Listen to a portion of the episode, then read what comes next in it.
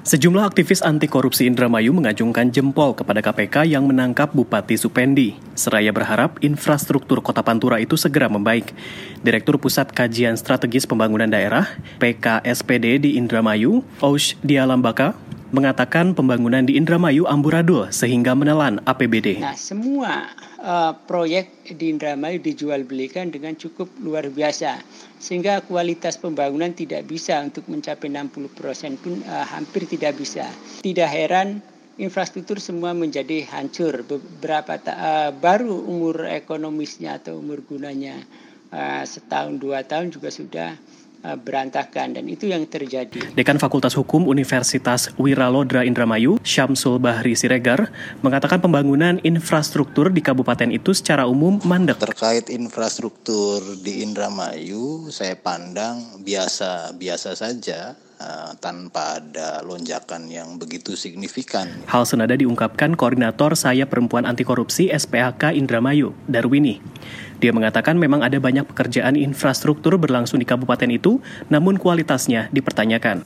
Penelusuran VOA di situs pemerintah Kabupaten Indramayu mengungkap hanya 63 persen jalan raya milik Pemda Kabupaten Kota yang statusnya baik, sementara 19 persen kondisinya sedang, 10 persen rusak ringan, dan 8 persen rusak berat. Di tengah situasi itu, Bupati Supendi justru ditangkap KPK karena diduga menerima suap terkait proyek di Dinas Pekerjaan Umum.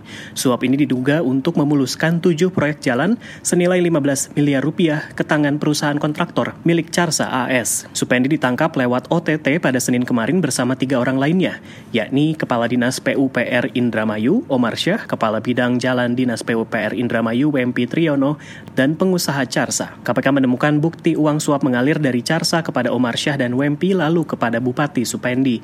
Keempatnya telah ditetapkan sebagai tersangka. OTT terhadap Bupati Supendi diharapkan menyingkap korupsi yang lebih luas di Kabupaten Indramayu. Direktur PKSPD, Osh, meminta KPK memberi perhatian pada dinasti politik Irianto MS Syafiuddin alias Yance. Yance adalah Bupati Indramayu dua periode dari 2000 sampai 2010. Jabatan itu pun dilanjutkan istrinya, Ana Sofana, juga selama dua periode.